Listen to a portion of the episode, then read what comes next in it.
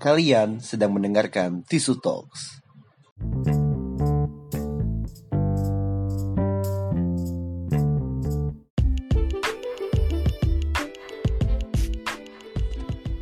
Dunia blockchain dari tahun ke tahun semakin berkembang, khususnya di Indonesia, dan salah satunya adalah Yeriko Bergas, seorang blockchain entusias yang bercerita tentang bagaimana dia menggeluti dunia blockchain dan juga berbagai sharing pengalaman apa yang pernah dia dapat dari blockchain.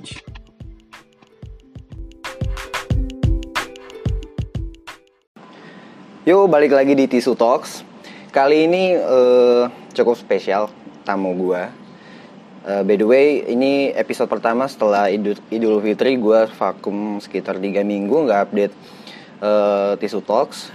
Dan di depan gue itu ada seorang apa ya hmm, blockchain enthusiast dari Indonesia. Kalau belum tahu apa sih blockchain itu, apa sih seputar tentang bisnis ini gitu loh Nah, narasumber ini mungkin bakal ceritain lebih jelas, lebih gamblang, lebih santai juga. And please welcome Mr. Yeriko Bergas. Halo, Hey, apa kabar bro? Halo, baik, baik, baik, Long baik, time no see you after Idul Fitri ya. Yo, yo, yo, lahir batin Yes, anyway. of course. Gila, tiar. Gimana ya, cuy ya? Kita udah berteman berapa lama nih? Wah kita udah cukup lama ya bro Kita berteman mungkin dari uh, Aku gue masih kuliah itu Around 2008 kayaknya ya, wow. Ya udah cukup panjang lah perjalanan kita lalu ya Dari susahnya sampai sekarang Dari mulai gitu ya. zaman-zaman ngemper bareng ya, event-event Iya, bareng sampai iya. sekarang udah punya jalan masing-masing. Terus dan sekarang ini lo ini lagi bisa dibilang sebagai blockchain enthusiast Indonesia. Iya. Boleh deh diceritain mundur berapa tahun ke belakang lo ngelutin dunia ini? Uh, Oke Yar, thank you banget nih. Sebelumnya Tiar juga kita dulu pernah bareng-bareng lah di suatu event. Kita juga punya IO, kemudian kita juga sempat bantuin beberapa pensi besar di Jakarta sendiri. Yap, yap, yap, yap. Ya, habis itu kita um, mencoba mencari jalannya kita masing-masing nih, ya kan. Kebetulan memang dari dulu tuh gue cukup suka gitu loh dengan dunia finance ya, artinya termasuk di trading dan lain-lain. Termasuk lo kalau tahu beberapa instrumen investasi, saham, reksadana, deposito dan lain-lain. Cuma memang, memang yang gue penasaran cukup lima tahun belakangan adalah apa sih eh, teknologi yang baru yang related dengan financial Betul. which is yang aku lihat adalah waktu itu mulai tumbuh pesat itu adalah blockchain or cryptocurrency itu sendiri. Jadi blockchain teknologi as a blockchainnya, tek teknya, Mm-hmm. cryptocurrency adalah mata uang dari blockchain teknologi itu sendiri. Oke. Ya, mungkin teman-teman kenalnya adalah Bitcoin lah. Seperti itu ya. Dulu gitu. mungkin eh, mundur berapa tahun ya yang cukup rame bener-bener ini nih apa sih Bitcoin, apa sih tambang segala macam itu tuh sekitar tahun berapa cuy? Jadi sebenarnya gini, uh, Bitcoin itu sebenarnya Hmm. kalau kita ngomong blockchain tuh nggak mungkin terlepas dari kita ngomongin Bitcoin. Mm-mm, betul. Bitcoin itu sendiri itu baru ditemuin sebenarnya Hmm. itu berdasarkan paper yang ditulis namanya Satoshi Nakamoto Oke. di tahun 2008, which is dulu orang berpikir ini paper nggak ada gunanya segala macam mengenai pengembangan teknologi yang sifatnya P2P Hmm. network, kemudian uh, apa namanya network yang terdistribute, Oke. terledger, decentralization sehingga orang berpikir apa sih functionnya dari uh, teknologi blockchain ini sendiri Betul, gitu. Itu oke, dikeluarkan oke. di tahun 2008. 2008. 2008 untuk papernya sendiri. Oke. Untuk risetnya itu mulai dijalankan di tahun 2010 sampai 2012. Wow. Which is Dari negara mana sih awalnya? Uh, kita juga sampai detik ini kita tidak pernah tahu bahwa Satoshi Nakamoto itu siapa. Apakah itu anonim atau tidak Ya, gitu ya? itu anonim sebenarnya sampai detik ini karena tidak ada seorang pun yang pernah melihat Satoshi Nakamoto. Ya, Ya, kalau ya, kita ya, bilang ya, ya, ya, Satoshi Nakamoto ya, apakah dia orang Jepang atau segala macam nggak ada yang bisa memastikan itu karena Oke. tidak ada yang eh, apa namanya berhasil menemukan atau mewawancarai even FBI or CIA juga tidak menemukan. Jadi itu benar-benar yang kayak seorang penulis anonimus menemukan suatu riset dan riset itu Satu terpublikasi sistem gitu kan? Ya, terpublikasi Oke. tahun 2008 dan beberapa orang sekelompok community segala mengerjakan di dalam papernya itu jadilah 2010 menjadi 2012 adalah awal kemunculannya Bitcoin itu sendiri. Seperti itu. Awal masuk ke Indonesia berarti di tahun? Awal masuk Indonesia sebenarnya kalau bilang ma- awal masuk Indonesia sebenarnya di 2012 pun udah ada. Oke. Cuman waktu itu di Indonesia sendiri itu belum ada. Which is yang memfasilitasi Iya, iya, transaksi iya, Bitcoin itu sendiri. Itu di Indonesia kalau kita mau ngomong kan ada komponen exchanger ya namanya. Exchanger terbesarnya itu adalah Indodax. Waktu itu dulu Tapi gini Cok, sorry gue potong. Bitcoin. Sebelum kita ngobrolin, ini kan kayaknya banyak, siapa tahu banyak teman-teman ini yang belum ngerti ini istilah-istilah yang cukup Oke. rumit bahasanya. Ya, Mungkin ya. nanti lo bisa jelasin kalau ini nih fungsinya ini, kalau ini nih itu gitu. Lanjut. Oke. Eh, aku coba cerita sedikit lah sebenarnya kayak apa sih itu Bitcoin itu adalah Hmm. Bitcoin adalah nilai mata uangnya itu sendiri dari sebuah blockchain teknologi. Hmm, oke. Jadi Bitcoin itu disebut sebagai cryptocurrency. Yes. Ya kan? Nah, Bitcoin itu ketika dia bilang cryptocurrency artinya eh, ada nilainya, ada value-nya gitu. Nah, ketika orang ada value-nya pasti bisa diperdagangkan, diperjualbelikan. Ibaratnya kalau di Indonesia, anggaplah kita mau beli sahamnya Astra gitu ya. Nah, ini kita mau beli Bitcoin-nya, digital coin-nya. gitu Itulah yang jadi nilai yang itulah bisnisnya. jadi bisnisnya oke, atau oke. tradingnya. Jadi ketika kita bisa beli sekarang, besok kita jual harga naik, itu kita uh, rupiahin, yaitu ada kenaikannya yang bisa kita nikmati keuntungannya. Yes. Itu untuk Bitcoin sendiri. Nah, ketika kita udah ngomong suatu investasi atau uh, digital coin, pasti ada marketnya dong pasarnya. Di mana pasar itu di sini disebut sebagai exchanger. exchanger. Oke. Nah, di dalam exchanger itu sendiri itu ada proses jual beli lah seperti biasa lah ya di pasar ada jual beli, ada supply demand, ada orang yang memposisikan sebagai penjual dan yang pembeli. Di situlah terjadi pasar dan disebutnya di dalam pasar itu adalah exchangernya itu Exchanger sendiri. itu ya, oke, oke. Dan di Indonesia untuk satu-satunya menurut uh, gua yang pasar yang paling besar dan liquid di Indonesia adalah namanya Indodax. Indodax, oke. Indodax itu adalah pasar exchanger yang mempair semua digital coin, baik Bitcoin dan dari seluruh ya uh, jadi gini, ya dari seluruh dunia itu ada beberapa koin lah, Ya. which is ambillah koin besar 10 koin besar, 20 koin besar yang memang itu masuk di Indodax tadi Oke. pasarnya. Nah, itu di pair di pairing atau dipasangkan dengan Ya. IDR sehingga kita bisa bertransaksi di Indodax itu untuk jual beli Bitcoin dan altcoin. Ya, nah, oke, oke, oke. pasti lu juga bingung kan, apa sih Iya. altcoin itu sendiri Oke. kan? Nah, jadi di eh, di dunia ini digital coin itu hanya terbagi menjadi dua dua tipe digital coin. Mm-mm. Bitcoin dan altcoin. Bitcoin dan selain Bitcoin. Nah, kenapa build, eh, selain Bitcoin itu disebut altcoin? Artinya adalah alternate coin. Alt itu adalah alternate coin. Alt- artinya semua koin-koin selain Bitcoin, alternatif-alternatif koin lainnya yang dibangun di atas blockchain network itu disebut altcoin. Contohnya adalah Ethereum yang tergede ya. Ethereum, EOS, dalam bentuk apa tuh si Ethereum dan EOS itu? Uh, semua dalam bentuk yang Yes, dikembangkan yes, di yes, atas oke. blockchain teknologi Iya, iya, tadi itu sendiri. Jadi ntar pembahasan cukup panjang dan cukup agak teknikal. Kalau misal kita ngomong Ethereum tuh base-nya apa, Iya, base apa. Tapi ntar uh, aku bisa ceritain abis ini. Jadi tadi ini baru cerita yang very very basic ya, Bitcoin dan altcoin. Altcoin itu yang paling besar itu ada Ethereum, ada EOS namanya, ada NEM dari Jepang, ada Litecoin, ada XRP yang sering dipakai bank-bank buat bertransaksi atau Ripple. Kemudian juga ada Tron. Mungkin orang apa sih Tron? Tron itu adalah uh, blockchain tech-nya yang dipakai di atas BitTorrent. Kalau orang-orang dulu pasti lu tau lah dulu Bro sharing video dong apa Oh, pasti pakai oke. BitTorrent bro. BitTorrent Iya, itu iya, sekarang iya, dibangun iya. di atas Tron, Betul. Tron Network, which is salah satu altcoin juga gitu. Jadi uh, itulah sebagai gambaran tadi Bitcoin dan altcoin yang perlu kalian tahu. Kemudian tadi kita udah ngomong pasar, kita udah ngomong type-nya, kemudian Ada kita juga, juga ya tadi kan, kita biasa ngomong juga mengenai mining ya. Mining itu cukup teknikal sebenarnya kalau dijelasin gitu ya. Tapi pada basicnya adalah semua network network yang ada di dalam blockchain itu harus dihubungkan oleh sebuah namanya miner. Miner. Artinya miner itu beberapa community, beberapa orang yang bertugas menjaga simple-simple network supaya Oke. terciptanya suatu transaksi. Jadi kalau kalau Bitcoin itu tanpa miner sama aja bohong, tidak ada transaction yang lewat di situ juga gitu. Buat loh. jadi dia seorang miner itu gimana? Buat jadi seorang miner sebenarnya adalah ketika kita mau menjadi seorang miner, Hmm. kita tuh harus memecahkan puzzle-puzzle yang ada di dalam network tersebut. Oke. Dan ketika kita berhasil memecahkan puzzle-puzzle di dalam network tersebut, kita akan mendapatkan reward. Nah, rewardnya itu biasa Bitcoin. Bisa rewardnya juga kita lihat per 10 menit. Per 10 menit kalau kita menemukan Ya. sebuah puzzle yang kayak eh, apa namanya dibuat oleh si pembuat eh, eh, blockchain networknya itu sendiri gitu itu tadi kita ngomongin miner kemudian kita juga biasanya ngomongin masalah project-projectnya Oke. project-projectnya biasanya kalau mungkin teman-teman ada yang pernah main saham, kenal namanya IPO, Initial Yep. Public Offering. Di koin juga ada namanya ICO, Initial Coin Offering. ICO itu biasanya untuk memperkenalkan project-project baru yang akan bernilai ke- di kemudian hari.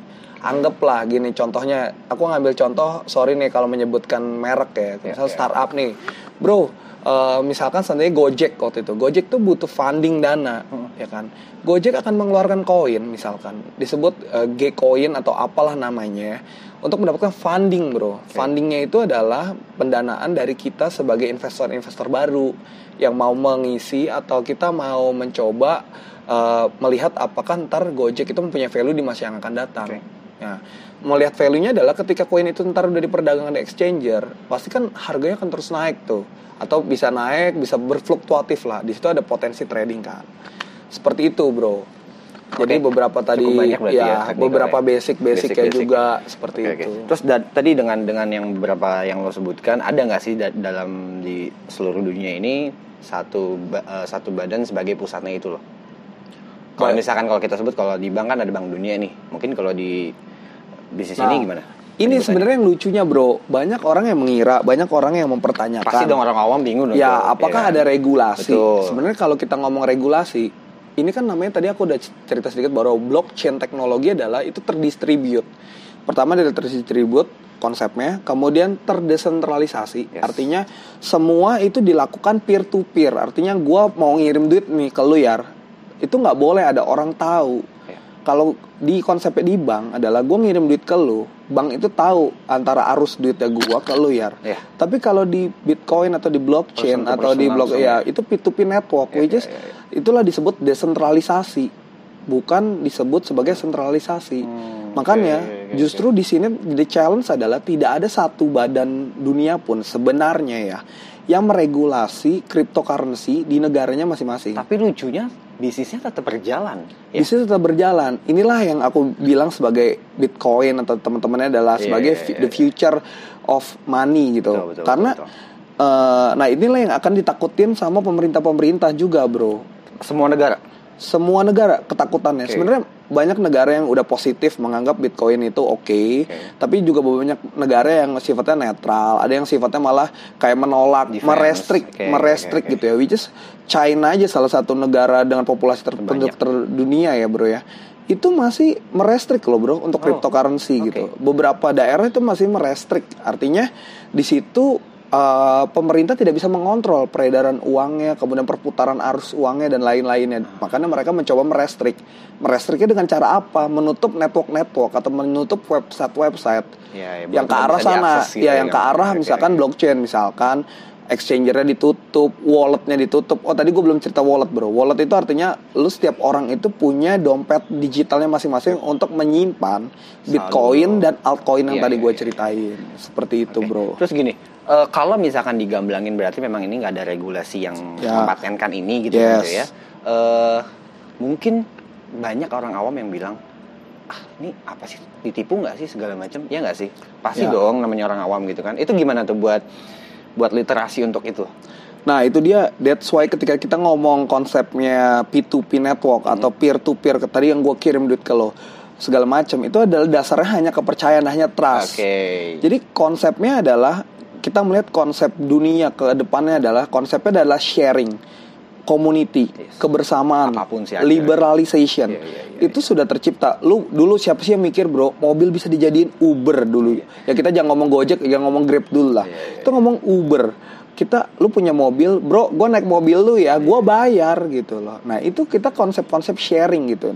Sama eh, di case-nya si Bitcoin itu sendiri. Jadi sekarang tuh semua itu adalah konsepnya sharing sehingga trust itu menjadi bagian penting di dalam community sharing itu sendiri gitu. Tapi banyak gak sih kejadian yang mungkin memang niatnya nipu atau semacamnya gitu? Bukan Yang masalah yang lo tahu. Bukan masalah nipu sih kalau gue bilang lebih challenge-nya adalah the security-nya sih, Bro. Oke, oke. Jadi walaupun kita ngomong P2P network ini adalah cukup secure segala macam gitu ya dengan banyak encryption-nya, banyak encrypt-nya gitu ya.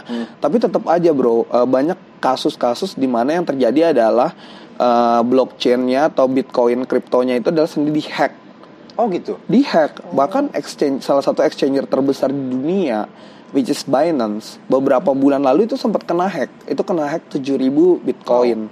Tapi Ada berapa user yang dirugikan dong kalau gitu? eh, tidak karena gini bro ketika biasanya kita eh, main di satu pasar yang Iya. pasarnya besar dan kita juga lihat pasar itu trust segala macam good ininya segala macam security-nya pasti mereka akan punya obligation atau punya kewajiban untuk mengembalikan uangnya kita yang dihack bro. Hmm, jadi case-nya oke, kemarin oke, ada beberapa exchanger juga dikena hack segala macam tapi duit kita aman. Oke, kita juga terfasilitasi makanya ini salah satu tips juga bro. Kalau lo mau trading saran gue yang pertama juga kalau lo mau trading di bitcoin atau di altcoin adalah lo pilih pasar yang bagus. Punya pasar yang liquid supaya ketika lo transaksi jual beli transaksinya tuh bisa lancar.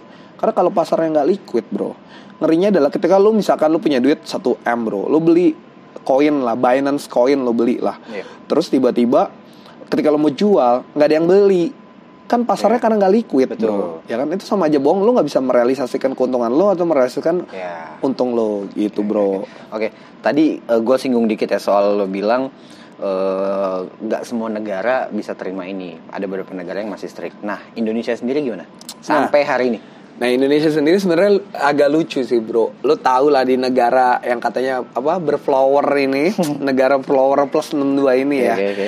Ya menurut gua di Indonesia sendiri eh, cukup banyak yang bisa dikembangkan bro opportunity-nya. Oke. Artinya eh, peredaran Bitcoin itu sendiri, peredaran blockchain itu sendiri, maksudnya pengembangan blockchain teknologi itu sendiri dan cryptocurrency lainnya. Itu cukup masif dan adopsinya menurut eh, gua tuh cukup ya sosok kita nggak mengadopsi juga kita banyak pemain, dibilang kita expert juga ternyata masih banyak project yang gagal di Indonesia. Dan setiap tahunnya selalu meningkat untuk belum pemainnya. belum oh peningkatan jumlahnya. Jumlahnya. jumlah pemain meningkat tetapi memang di 2018 adalah masa-masa sulitnya kita termasuk semua trader di seluruh dunia lah bukan Oke, cuma di Indonesia karena di 2018 itu Bitcoinnya cukup drop cukup dalam itu dropnya hampir 50% kenapa bisa kayak gitu, lebih Cok? gitu bro karena ya kita melihat waktu di 2017 itu kenaikannya cukup tinggi ya Oke. semua oh ya satu uh, rumus investasi yang gue sering sharing juga adalah uh, high risk itu akan berbanding dengan high profit.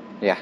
Nah, high risk juga itu berbanding dengan ketika high profit adalah lossnya juga high loss dong, tinggi dong high loss. Artinya ketika kita melihat kenaikan cukup tinggi Bitcoin di 2017 yang awal tahun itu masih sekitar 10 juta sampai 50 juta di tengah tahun naik jadi 70 60 juta 70 juta di akhir tahun meledak sampai ratusan juta dan puncaknya itu sebenarnya angkanya adalah di Januari 2018 harganya menembus satu Bitcoin ya kalau dirupiahkan itu sekitar 240 sampai 250 juta. Juta. fantastik kan bro. Lu bayangin lu punya duit 10 juta nih bro. Lu beliin satu bitcoin eh lu beliin lah bitcoinnya dapetnya berapa gitu ya. Kemudian lu beli di awal tahun 2017 lu jual tuh di Januari 2018 lu punya duit 10 juta. Berapa persen itu? ya lu punya duit 10 juta aja bro. Iya, itu iya, jadi iya, iya, 250 juta bro. Itu kan very very fantastic bro. Iya, iya, tidak iya, ada iya. yang apa ya tidak ada yang melihat bahwa kenaikannya itu cukup fantastic. Ya maksudnya Itu orang karena, karena, karena, memang demandnya juga sangat tinggi. Demandnya sangat tinggi karena banyak project yang dibangun di atas Dalam waktu setahun itu. Ya, tadi balik lagi Oke, yang gue oke, cerita oke. banyak project juga banyak project ICO tadi, initial coin offering iya, banyak iya, yang iya. menggunakan uh, Bitcoin dan altcoin utama misalkan Ethereum sebagai basis utamanya. Gitu. Jadi uh, ketika itu cukup tinggi banget demandnya ya pastilah lu kayak lu mau jualan barang nih bro. Lu mau jualan HP HP lu banyak peminat ya pasti harga naik lah. Dan supply-nya sedikit loh bro. Iya, iya, iya. Bitcoin itu supply-nya Demand tinggi, terbatas loh. quantity terbatas. suplainya terbatas Iya, iya, bro dan negara-negara ketika itu ngelihat kenaikan cukup tinggi akhirnya negara-negara pun itu mereserve loh. Lu jangan sampai berpikir bahwa Hmm. negara itu tidak membeli bitcoin loh. Banyak negara-negara yang cukup besar membeli bitcoin Balik lagi, Indonesia akhirnya gimana? oh? Indonesia nah tadi balik lagi Indonesia menurut eh, gua responnya sebenarnya secara regulasi dan lain itu Sampai netral. Oke. netral dan masih abu-abu tapi pemerintah mencoba meregulasi lah di zamannya Bapak Jokowi ini cukup terbuka Oke. untuk adopsi teknologi teknologi baru. Eh, dia memerintahkan bahwa ini Bitcoin, blockchain dan lain-lain itu harus diregulasi di bawah namanya eh, ini bro eh, Jakarta bukan Jakarta ini Bukan bursa OJK efek ya? bukan eh, di bawah OJK tetap tapi Oke. di bawahnya itu adalah bursanya bursa bukan bursa efek Jakarta hmm, di bawah Bapepti Oke. Bapepti itu adalah badan perdagangan berjangka eh, di Indonesia. Jadi Oke. disebut Di sebagai ya disebut sebagai aset Bitcoin itu sebagai komoditi. Hmm. Untuk diperdagangkan sama kayak forex, komoditi, misalkan komoditi main jagung atau apa gitu. Jadi bener-bener si Bitcoin dan teman-teman ini ntarnya dimasukkan sebagai di bawahnya asetnya eh, Bapepti gitu. Oke, oke, gitu. Nah, oke. itu memang lagi bergulir terus untuk pengembangan regulasinya di Indonesia sendiri gitu. Tapi artinya kita bawa melihat pemerintah sebenarnya mendukung gitu. Kita melihat ada lampu hijau lah gitu. Walaupun kemarin-kemarin kita juga sebagai salah satu seorang trader di Indonesia ya saya cukup wah gila ya takut juga nih kalau tiba-tiba di blok atau apa Iya, atau apa sama iya, pemerintah iya, kan kita juga ya gue pasti lost Karena lah. memang basicnya ini masih abu-abu juga. Yes, tadi makanya gue bilang si abu-abu dan netral tapi ada cukup banyak titik terang menuju eh, apa keberlangsungan regulasi di Indonesia lah untuk Iya, Bitcoin dan teman-temannya. Pengalaman lo dari mulai main ini sampai hari ini, pengalaman eh, enak dulu deh apa? Waduh, pengalaman enak. Apa pun ya, baik Enak apa nggak enak nih? Enak dulu. Enaknya sih eh dapat cuan lah pasti. Pasti, ya. memang itu jadi salah satu Iya. tujuannya. Ya pasti kan banyak yang kayak banyak anak-anak sekarang ya cuan is life, Iya, cuan iya, ini, cuan ini ya itu tapi anak-anak sekarang cukup jago lah, misalnya Ah. buat trading. Jadi ya cuan itu tujuan utama lah, profit lah, nggak Yep. muluk-muluk lah bro, gitu, buat nambah-nambah juga gitu.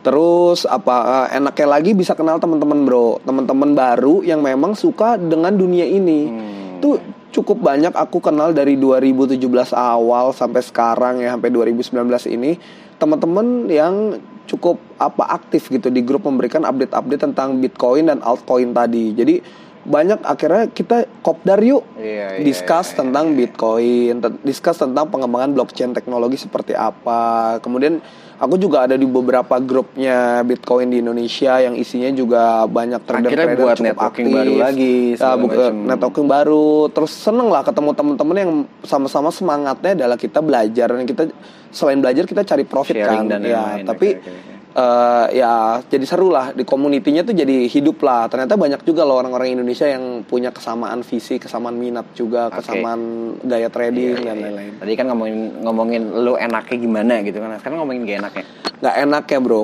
pasti lah bro semua trading itu pasti orang pernah loss kalau orang bilang trading itu nggak pernah loss it's bullshit lah kalau gua bilang Oke. ya maksudnya kayak ya Nggak mungkin lah ya, nggak gitu mungkin ya. lah Kayaknya apa pun sih. Pasti ya ada sih? menang kalah. Heeh, semua kita pernah semua di atas, kita bisnis, pernah di bawah. itu gitu kan. Iya, jadi pasti bro, lossnya cukup dalam. Gua Oke. ngerasain Di lossnya itu di 2018 bro. Di Kita nggak 2000 usah sebut nominal, cuman kalau diibaratin lossnya itu lo bisa bisa setara dengan apa? Lossnya bro, bisa start dengan satu Pajero Sport bro. Oke.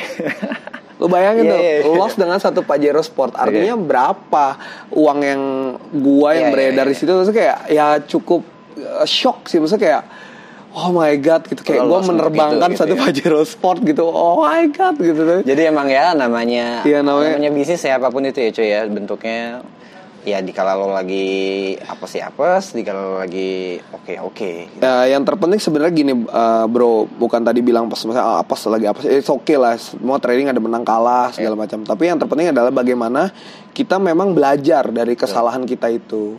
Kita belajar dari kesalahan itu, kita juga belajar bagaimana menghadapi resiko-resiko di masa yang akan datang. Artinya jangan sampai lah kayak apa ya tupai itu jatuh dua kali uh, ya kan atau masuk ke lubang yang sama. Artinya kita banyak lah banyak benar-benar banyak pembelajaran, benar-benar mendewasakan diri kita dalam hal trading dan kemudian mendewasakan diri kita dalam bersikap juga. Lebih hati-hati lagi. Lebih hati-hati segala iya, macam sih bro, seperti itu. Terus gini, eh ceritain satu kisah deh. Ada nggak sih temen-temen lo yang main di bisnis ini juga yang emang eh lumayan cukup sentimental nih dalam arti dari yang dia nggak punya apa-apa akhirnya dalam ikut bisnis ini jadi seseorang gitu.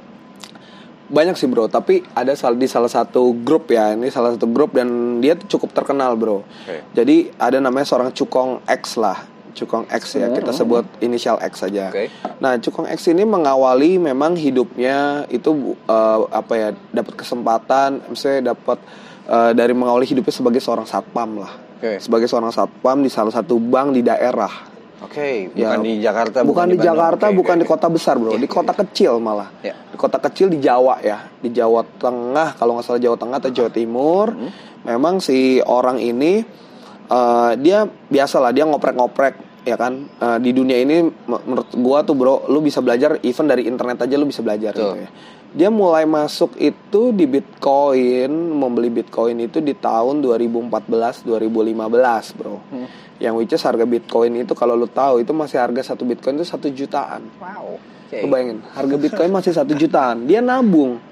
Dia nabung dari gajinya sebagai seorang satpam. Gue juga nggak ngerti secara detail dia naruh Bitcoinnya di wallet mana segala macam ya. Tapi dia benar-benar nabung. Tuh dia. Otodidak, tidak ada yang mengajari. Dia benar-benar cari informasi di internet tentang Bitcoin dan teman-temannya. Dia beli Bitcoin dia cicil dari gajinya. Dia beli Bitcoin cuman yang ya dulu bayangin Bitcoin satu Bitcoin satu juta ya dia beli misalkan punya duit beli satu juta beli satu juta dia kumpulin terus bro.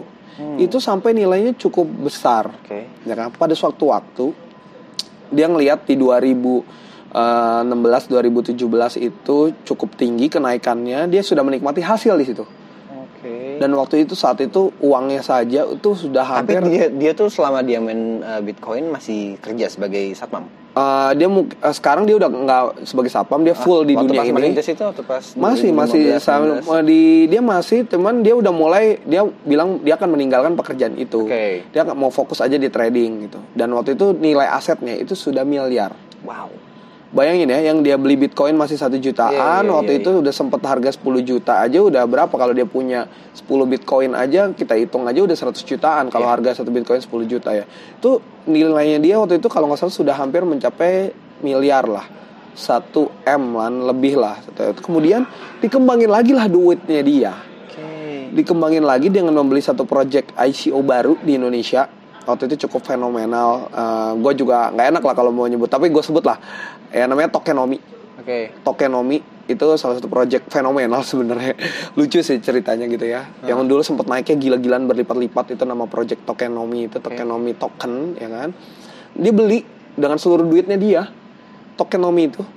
Kemudian dia jual waktu itu hampir berlipat-lipat sehingga duitnya secara tidak langsung pada waktu itu ketika dia menjual Tokenomic itu hampir 10 miliaran Wow. bayangkan bro Gila. Cuman Dan- dua dua tiga tahun ya nggak sih? Ya Untuk- dan untuk dapetin. Ya dan ih dia adalah saat ini adalah menurut gua adalah salah satu orang terkaya di kampungnya dia Wow. Dari Bitcoin. dari Bitcoin dan teman-temannya Yes. dan altcoin. Yep. Dan dia jadi dia benar-benar fokus di dunia ini sekarang. Dia sempat terkenal lah si Cukong ini ya. Mungkin kalau teman-teman yang dengar podcast ini tahu lah siapa orang yang akhirnya beli Tokenomi terus kemudian dia beli satu project lagi namanya ada Vexanium dan lain-lain. Tapi kayak ya dia cukup diuntungkan dengan kondisi yang dia sudah mengenal Bitcoin duluan dari tahun 2014. Tapi awalnya yang yang tahu ah. eh, dia cobain untuk bisnis Bitcoin itu cuman iseng-iseng aja atau akhirnya memang udah sebelumnya dia coba pelajarin dulu. Kalau menurut gua pasti orang yang main di bisnis itu pasti awalnya iseng-iseng aja. Iya. Iseng-iseng aja, wah seru nih deh, untung, gitu kan. wah seru nih untung Iya, ya iya, sama lah yang gua lakukan di tahun 2017 kayak gua masuk Bitcoin harganya waktu itu masih 10 jutaan dan gua menikmati hasil kayak gila duit gua berubah nih jadi akhir tahun aja udah 100 Iya, juta. iya, iya. Wow gitu loh. Dan waktu itu ya sebenarnya kalau ditanya penyesalan ya, kenapa dulu gua nggak masukkan semua aset gua ke sono gitu. Ya tapi eh, akhirnya banyak perjalanan yang bikin lo juga belajar dan yang lain kan. ya gue bikin banyak belajar dan akhirnya ya ada untung juga ada rugi tadi gue cerita juga tapi ya gue tetap nggak akan kalau ditanya bro pengen gak sih lo exit dari dunia bitcoin Ya. gitu ya kayaknya enggak deh karena masih banyak yang bisa diekspor masih banyak yang bisa dan Dikembangkan. Iya, dan lo juga pasti ngeliatnya ini nih ya the the future business gitu loh. Iya. Ya kan apalagi beberapa hari ke belakang kita eh, ngeliat cukup ramai beritanya salah satu orang terkaya di muka bumi bikin satu project eh, bernama Libra yaitu Wow. CEO dari Mark, eh, Facebook Mark Zuckerberg. Gimana? Lo bisa pendapatnya gimana soal ini? Eh, itu sebenarnya gini bro, itu lucu aja sih. Eh, tapi Facebook memang fenomenal ya dengan dulu sosial medianya. Nah. Tapi si Mark Zuckerberg ini udah cukup lama melakukan riset. Itu hampir dua tahunan belakangan tuh dia men- mencoba meriset eh, bagaimana dia masuk ke dunia blockchain atau dunia cryptocurrency. Artinya dia harus membuat satu project coin. Ya which is yang orang keluarlah namanya Facebook Coin ini yang Yes. dinamakan projectnya namanya Libra. Libra, ya. Nah, Libra Association ini. Nah, memang Libra good, Bro. Kenapa menurut gua good? Karena ini akan membawa angin segar Iya bagi dunia blockchain Pa- iya, pasti. dan adopsinya. Iya. Karena ketika kita ngomongin project Libra itu sendiri, Bro, ya kan? Artinya semakin dekat bahwa untuk semua masyarakat di dunia itu bisa menggunakan project real yang dibangun di atas blockchain teknologi Iya. dengan adanya Libra ini dan ketika Libra muncul lu lihat sendiri bro wah itu ada Gimana-mana lingkaran itu. ada Iya, lingkaran iya, iya. tulisnya Libra tapi di situ ada komunitinya Iya. dia community yang memang sudah join di Libra Association nama komunitinya tuh ada ada apa namanya ada Spotify join di Iya. situ ada Visa Mastercard Visa masuk, ya, join lihat ada. PayPal join Banyak. Dan itu ada cukup- cukup Uber benar-benar besar Vodafone ya ya, ya. ya kurang lebih ada 27 company lah yang udah Wow. join di projectnya Libra Association dan nggak sembarangan menurut gua itu adalah si Facebook mengembangkan namanya Libra Project ini karena dengan 27 perusahaan institusi Iya. dan community terbesar Besar, ini join akan menjadi satu ekosistem besar Baru. Iya, betul.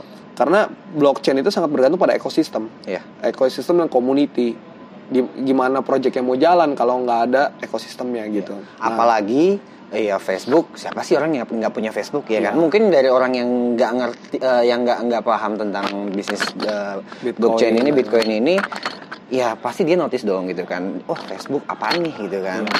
Dan menurut gua bro adalah sesimpel ntar ya, bro, eh, gua mau belanja nih di toko lu misalnya di Instagram atau di Facebook bro, udahlah gua transfer aja atau gua belanja dari wallet Libra gua. Jadi ada satu pasti ya kita tadi udah ngomongin koin tuh pasti ada Iya. walletnya. Walletnya itu eh, si Libra menciptakan namanya Calibra bro. Oke. Calibra itu adalah wallet dari Libra itu sendiri untuk men-store koin Libranya. Libra oh ya, Libra itu eh, kemungkinan nggak fluktuatif, Bro. Jadi ya mungkin lo kalau mau trading ya buat reserve aja buat nge-hedging supaya lo nggak rugi aja karena dia stable coin sifatnya. Stable coin itu cukup stabil iya, iya, angkanya. iya, iya, iya. Cuman kita belum tahu acuan harga stabilnya ke mana ke satu USD kah atau ke Europe kah atau ke yen atau ke mana karena dia kabarnya si wallet tadi itu akan terintegrate dengan beberapa multi currency Hmm. yang multi currency yang udah disebutin adalah yen, uh, euro, USD, kemudian franc Swiss. Ya, jadi itu beberapa multi currency yang memang udah uh, apa akan dipakai katanya sebagai tolak ukur atau nilai stable coinnya itu sendiri gitu. Tapi kita belum tahu karena Project Libra sendiri masih, Masih launching berjalan, di iya. pertengahan tahun 2020. 2020 ya, iya. Ini baru Ini masih- announcement awal, masih, kayak cukup panjang ini gue ya. mau showing off loh, gue Iya, punya iya. Project Libra gitu. Tapi eh menurut lo jadi salah satu langkah yang cukup besar banget gak sih? Tadi kan lo pasti singgung ini bakal jadi ekosistem yang baru yang besar gitu kan. Gue yakin besar banget bro. Lu tahu Facebook saat ini bro dengan jumlah 3 miliar Yes. register user di seluruh dunia bro. Facebook, WhatsApp, Instagram akhirnya ke mana-mana Iya, semuanya. artinya apa bro? Artinya apa? Orang dengan simpel menggunakan Libra Iya. dan Facebook tidak usah mencari user baru atau community baru atau apa ya namanya ekosistem baru. Facebook has the ecosystem. Iya. Facebook, Instagram, WhatsApp di total itu more than 3 miliar people bro. Dan itu kalau di Indonesia sendiri jadi salah satu anggaplah tiga sosmed tadi, tiga media tadi itu jadi komunitas sehari-hari, iya gak sih? Iya. Lu bayangin, lu tadi gue bilang sesimpel itu. Orang Iya. nggak tahu blockchain itu apa. Yang penting gue mau belanja, gue mau beli sesuatu barang di Instagram. Iya. Lu kalau keluar negeri, Bo, lu cobain uh, fitur Instagram bisnis itu ada kayak lu bisa nge-tagging apa harga barang yang Iya. di foto lo. Dan itu akan connect langsung ke payment. Lu bayangin lu connect Segampang itu, itu ya? segampang itu lu connect terus lu pay- payment pakai Libra coin, Bro. Kan gila ya dan itu angin segar tadi bagi blockchain teknologi karena orang selalu bertanya apa sih manfaatnya blockchain apa sih fungsi the reality paling kelihatan dari blockchain tech itu sendiri gitu jadi menurut gua itu akan jadi big project, itu akan jadi massive project across the world yang which is- baru juga. Ya, itu akan memberikan impact yang sangat baik menurut gua bagi pengembangan blockchain dunia blockchain di seluruh dunia seperti itu. Oke, ya kita tunggu aja lah ya dua 2020 Sebelum pertengahan 2020 bro, Bakal jadi kemungkinan. apa? Dan mungkin kita nggak tahu tiba-tiba Libra bisa menggantikan Bitcoin sendiri Yes. yang tidak tahu penciptanya siapa. ya kan bisa jadi bro. Ini Nah, nah, nah, ini nah, udah tahu Mark Zuckerberg Iya, yang udah Gila, sukses, lo, orang yang udah sukses bumi gitu kan. bikin Facebook, Iya, Instagram iya, iya, dan WhatsApp itu sendiri bro. Oke. Jadi kita tunggu aja ya tahun depan. kita apa. tunggu aja mungkin gua bro lu cobain bro Libra bro ini gua udah punya wallet namanya Calibra tadi Calibra apps Iya, iya, itu iya. Oke, eh, udah lumayan cukup panjang beberapa eh, jelasan dari Rico tentang Bitcoin, cryptocurrency dan seputarnya. Sekarang ada beberapa pertanyaan terakhir sih cuy yang mau gue tanya. yes Eh, kasih tips deh untuk pemula yang mau mulai bisnis ini, bisnis ini tuh gimana caranya? Untuk memulai trading di Bitcoin gam- apa dulu? ya gampang aja. Pertama adalah lu tinggal buka account di Indodax ya. Lu buka account di Indodax, sign up aja. Perlu punya uang berapa banyak sih cok kira-kira lu buat yang butuh pemula? cukup butuh duit seratus ribu, sepuluh ribu Udah pun bisa. bisa. bro. Starting untuk lo beli cryptocurrency. Jadi di crypto itu lo bisa beli 0,0000 gitu. Jadi lo nggak usah takut lo punya duit sepuluh ribu lo bisa, lo punya duit seratus ribu juga lo bisa gitu. Oke. Dan menurut gua Indodax cukup gencar, edukasinya juga bagus dan maksudnya salah satu market liquid di Indonesia. Saya kalau kalian mau, eh cukup duit seratus ribu lah daripada kalian jajan-jajan-jajan, saya beli apa, snack atau apa, mendingan udahlah cobain lah trading di Indodax gitu ya. Misalnya ini bukan gua nggak dibayar anyway sama Indodax. Jadi kayak ya karena Indodax salah satu market liquid uh, liquid dan cukup trusted ya artinya secara security dan lain-lain. Iya, iya, iya. Jadi gua memang merekomendasikan kalian buka akun di sana. Lalu? Gitu. Itu start yang pertama, yang kedua adalah kalian join lah di community-community blockchain atau community community Bitcoin di kota-kota kalian misalkan Udah banyak tuh biasanya. Udah banyak. Kalian bisa cari juga community-community itu di Telegram. di Telegram oke. banyak, terus uh, banyak lah grup-grup Bitcoin, grup Indodax, grupnya apa namanya? Uh, banyak lah sekarang banyak setiap project coin kayak di Indonesia yang cukup famous adalah project coin namanya Vexanium Oke. itu juga ada grupnya di Telegram tinggal search saja kan tinggal kalian klik Vexanium atau kalian cari tentang Bitcoin Indonesia atau apa cukup banyak lah channel-channel sekarang yang masuk ke uh, blockchain. Mungkin kita juga ya next kita bisa bikin apa namanya Telegram atau apa yang Ya, uh, ya, ya, isinya tentang Bitcoin Bitcoinan. Itu kedua tadi. Lalu? terus ketiga uh, mungkin Harus nekat gak sih? Untuk total di Eh, industri ini? Bisa nekat juga tapi maksud gue gue sih selalu menyarankan ketika tadi lo udah nyemplung ya kan ketika lo udah nyemplung lo harus belajar berenangnya dong. Kalau lo nyemplung mati eh maksudnya nyemplung tenggelam dan mati gitu. Yes. dan lo nyemplung dan lo belajar. Jadi poin ketiga adalah lo belajar. Ya, ya. belajarnya belajar apa bro? Pertama adalah belajar fundamental dari bukan fundamental yang penting belajar news newsnya Bitcoin itu sendiri gimana, cara transfer itu gimana, karena cukup ribet sebenarnya. Tapi itu bisa dipelajari semua lah, ya, maksudnya di itu ya di apa namanya di internet. Ya belajar tadi de- eh, dari yang salah satu Rico ceritain seorang security Iya, aja bisa untuk selama niat mau belajar iya. Bisa fantastis Iya, banyak kok. Gue ketemu temen-temen yang which is yang di community itu yang backgroundnya maaf, maksudnya bukan dari background. kita mendiskredit ya, juga sih, kayak tapi ya- karyawan iya, atau iya, apa gitu yang benar-benar dari orang, mohon maaf kayak orang susah atau orang apa, tapi mereka Dari bawah semua ya, bisa zero belajar dan memulai dari modal yang sangat kecil, dari seratus Iya. ribu, dari dua Iya. ribu gitu loh. Jadi nggak mesti modal Jutaan. jutaan ya selama lo niat mau belajar pasti bisa sih. gitu jadi tadi gua refresh satu adalah lo buka account Ya. untuk lo main bitcoin dan altcoin kedua adalah lo join di telegram telegram group yang cukup banyak di telegram kemudian juga lo ketiga tadi lo belajar Ya. ya belajar lo banyak juga setahu gua training training gratisan di Jakarta dan beberapa kota juga gitu Oke. Terakhir nih, Cuk. Eh, jadiin dalam satu kalimat tentang blockchain di masa depan. Uh, blockchain masa depan fantastic uh, will become boom Oke. Thank you, Cuk. thank you bro see you